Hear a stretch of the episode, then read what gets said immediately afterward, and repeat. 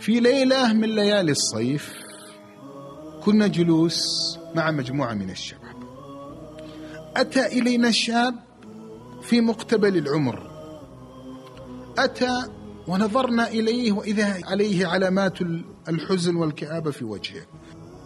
هو أتى بالخطأ. كان على موعد مع زملائه قريب من هذا المكان وأتى إلينا بالخطأ جلس وأنصت. كلمات تلامس القلوب تحرك المشاعر.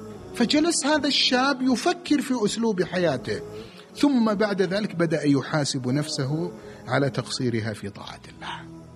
هذا الشاب عرف أن البعد عن الله ليس فيه سعادة للإنسان.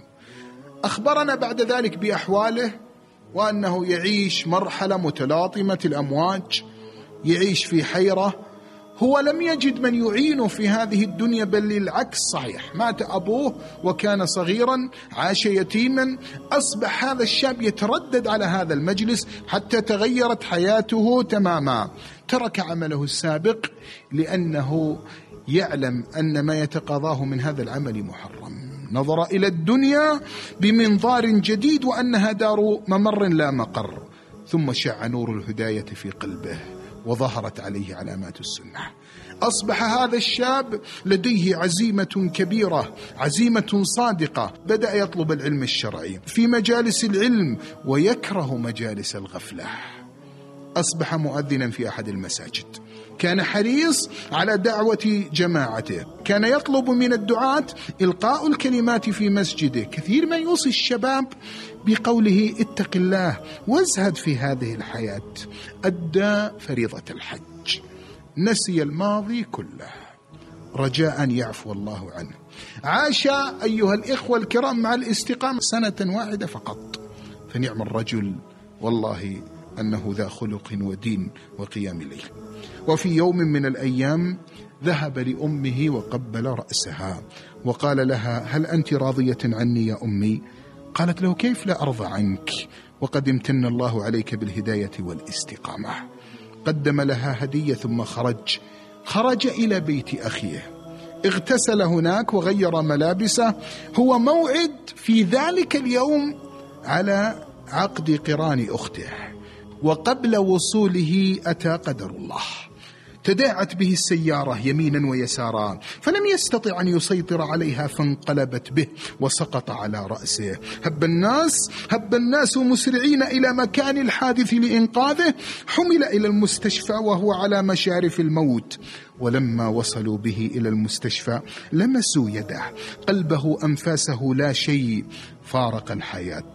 الكثيرون تأثروا من موته وذرفت دموعهم. صلى عليه جموع غفيرة من المسلمين فآنس الله وحشته ورحم الله وحدته.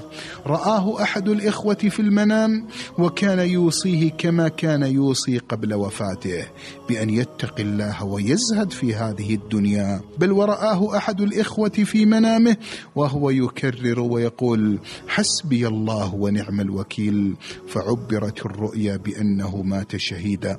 رحمه الله. رحمة واسعة ورزقه الله نعيما في روضات الجنات.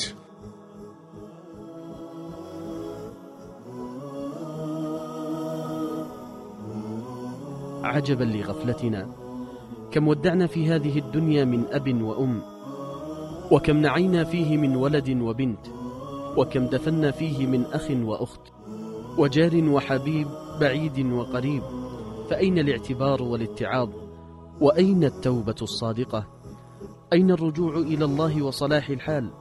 قال الله تعالى اعلموا أنما الحياة الدنيا لعب ولهو وزينة وتفاخر وتفاخر بينكم وتكاثر في الأموال والأولاد وتكاثر في الأموال والأولاد كمثل غيث كمثل غيث أعجب الكفار نباته ثم يهيج فتراه مصفرا ثم يكون حطاما وفي الآخرة عذاب شديد ومغفرة من الله ورضوان وما الحياة الدنيا إلا متاع الغرور